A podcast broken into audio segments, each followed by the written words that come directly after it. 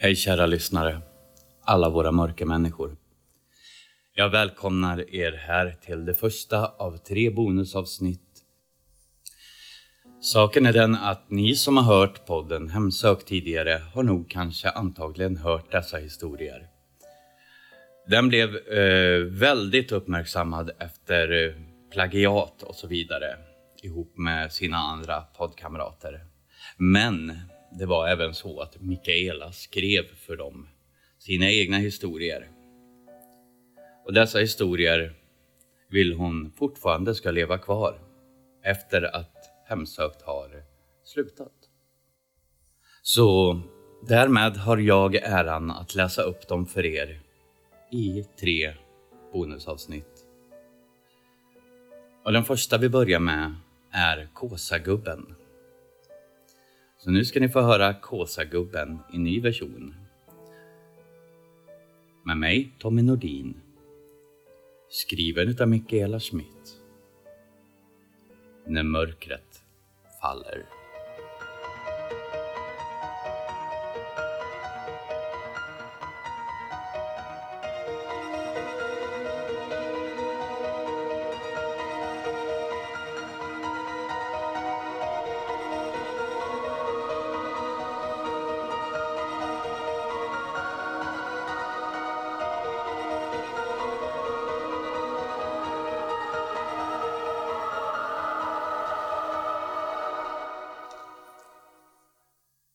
För några år sedan råkade en nära släkting till mig ut för något mycket märkligt. Det var så märkligt och obehagligt att han inte vill att jag nämner hans namn eller ens på vilket sätt vi är släkt. Han vill inte att hans familj ska få veta vad som hände den gången och jag måste säga att jag förstår honom. Men han vill ändå berätta. Prata om det. Så jag har lovat på hederat samvete att inte berätta något som gör det möjligt att lista ut vem man är. Och det löftet har jag för avsikt att hålla. Det är ganska svårt att plötsligt börja kalla någon man känner väl för något annat än det gamla vanliga. Men sagt är sagt och ett löfte är ett löfte. Han fick själv välja sig ett namn och då valde han Lars. Så det är vad jag kommer att kalla honom, hur svårt det än är. Vi tror båda två att det kanske blir lättare för honom att bära med sig den där upplevelsen och alla frågor om han får dela med sig av historien, även om det måste bli genom mig. Han har funderat mycket på det under det år som gått sedan det hände och bara berättat om det för mig. Sådant är inte alltid så bra. Lars är en trevlig, lättsam och allmänbildad person som det är både roligt och lätt att umgås med. Människor dras till honom av den anledningen och han har en stor umgängeskrets som uppskattar honom otroligt mycket. För sin familj är han ovärderlig. Han är som de flesta andra och tror inte på spöken eller övernaturliga fenomen, men är ändå nyfiken och lyssnar gärna på en bra historia om den är väl berättad. Som de flesta andra, tror han medan han lyssnar för spänningen, men avfärdar alltihop efteråt. Lars är med andra ord en helt vanlig, sansad och förnuftig man Precis en sådan som de flesta känner igen och har i sin familj eller bland sina vänner. Precis en sådan person som man minst av allt tror ska råka ut för märkligheter i stil med det han råkade ut för. Känner jag honom rätt så skulle han le osäkert och skruva lite besvärat på sig åt min beskrivning av honom. Men det är så där han är. Det är också viktigt att göra fullkomligt klart redan på en gång att han inte på det minsta vis ska tas som en tokskalle. Jag vet att han är rädd för det. Utan snarare tvärtom faktiskt. Han drar inte rövarhistorier. Han hittar inte på saker, broderar ut, lägger till eller drar ifrån. Utan när han berättar något så är det rakt av och utan krusiduller. Så, nu när jag gjort mitt bästa för att tydligt förklara hur han är så är det dags att berätta vad det egentligen var som hände. Lars och hans familj har en sommarbostad. Jag tror vi börjar så. De bor i huset sommartid och vintertid bor de i en våning i stan. Förr om åren när barnen var små hade de älskat att vara där. Sedan blev de tonåringar och följde bara med ovilligt och under protester och ytterligare ett par år senare inte alls. Nu är de sedan länge vuxna och kommer bara dit på midsommar, om man har tur. Lars fru var inte heller där hela somrarna längre utan pendlade lite som det föll sig mellan huset och våningen i stan, olika åtaganden i tjänsten och barn och barnbarn. Lars var därför ensam i huset ibland och är det fortfarande i perioder. Själva huset är en släktgård som gått i släkten i flera generationer och Lars ärvde den efter sina föräldrar. Det hade en gång varit en ganska stor gård med ett stort boningshus, lada, stallar och åtskilliga tunnland mark. Men vid arvsskiftet hade det mesta av marken styckats och sålts av och Lars hade använt sin del av de pengar de fick till att lösa ut sina syskon från huset och det som var kvar av marken. På så vis blev han ensam och stolt ägare till en rejäl sommarbostad mitt ute på landsbygden. Lars som uppvuxen på gården trivdes bra med att vara där långa tider oavsett om han hade familjen med sig eller var ensam. Och det gör han förvånansvärt nog fortfarande. Det finns inte mycket till skog på marken som fortfarande hör till gården. Bara en liten nog för att korsa på en timme, men stor nog för att kunna plocka svamp och bär. Lars hade behållit den mest för att det var roligt för barnen att leka där, men också för att han hade så många minnen från sin egen barndom i den skogen och faktiskt tycker mycket om att strosa runt där. Ibland till och med hitta svamp nog för en kvällsmacka med svampstuvning. Det var vid en sådan bekymmerslös promenad som en serie händelser inträffade och det gjorde ett sådant intryck på honom att han än idag bara vågat berätta om det för mig. Tänk ändå vad lustigt hur en helt vanlig promenad kan förändra så mycket för en helt vanlig man. Nåväl.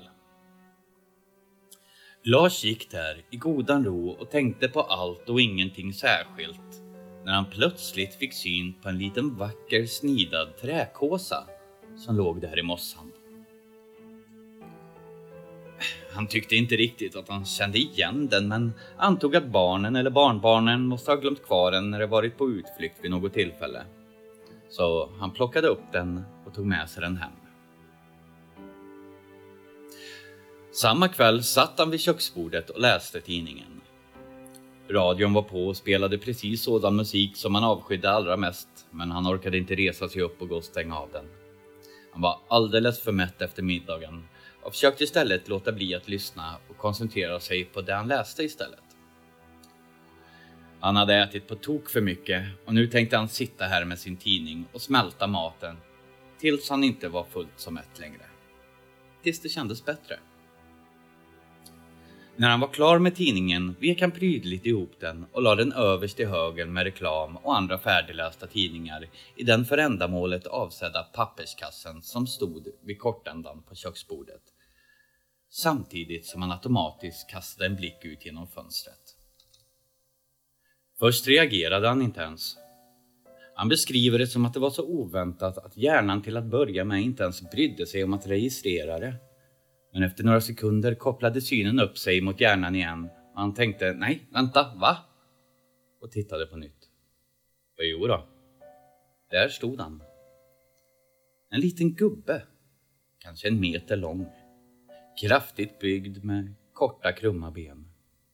Han hade grått, okammat, halvlångt hår och ett litet pipskägg och var klädd i blå byxor och en alldeles för stor mörkgrön tröja som nådde nästan ända ner till knäna.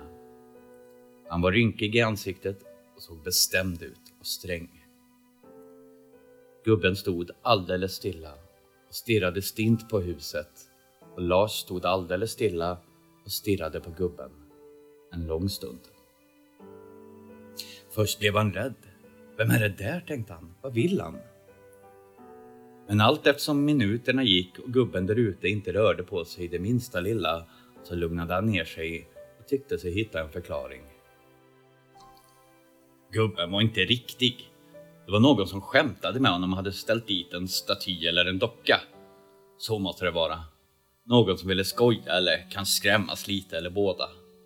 Någon av barnen kanske tänkte överraska honom med ett besök. Det hände ibland. Och tyckte att det skulle vara en fin trädgårdsfigur. Eller någon av grannarna kanske.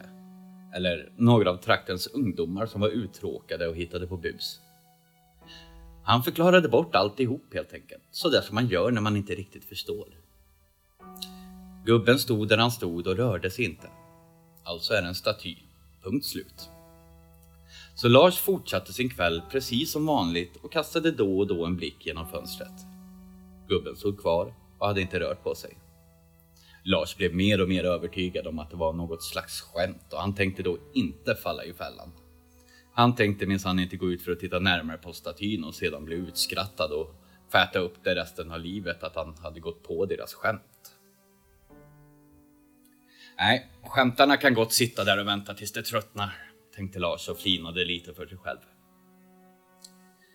Under resten av kvällen släppte han alla funderingar på den där fåniga statyn och ägnade sig åt att titta på TV. Och så småningom blev han trött och gick och la sig och somnade nästan på en gång. Men mitt i natten vaknade han plötsligt med ett ryck och förstod först inte varför. Han tänkte att det måste vara något ljud som väckte honom och låg tyst och stilla och lyssnade en stund, men hörde ingenting mer. Efter ett litet tag öppnade han ögonen, såg sig omkring och då först fattade han vad det var som väckte honom. I rummets bortersta hörn, alldeles intill fönstret, stod gubben med ryggen mot honom och sysslade med något som han hade i händerna.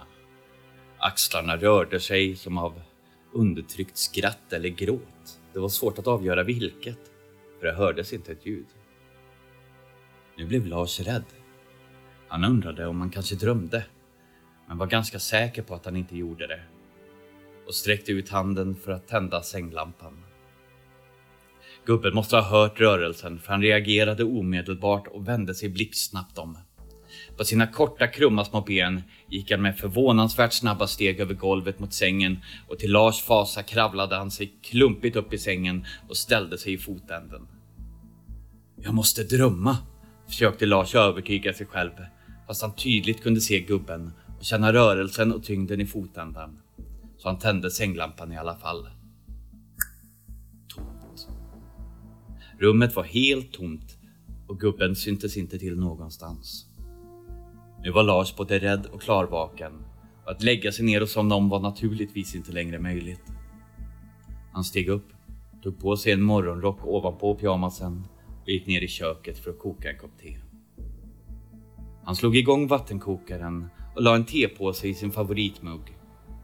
Och först efter det tog han mod till sig och tittade ut genom fönstret. Gubben stod kvar där ute.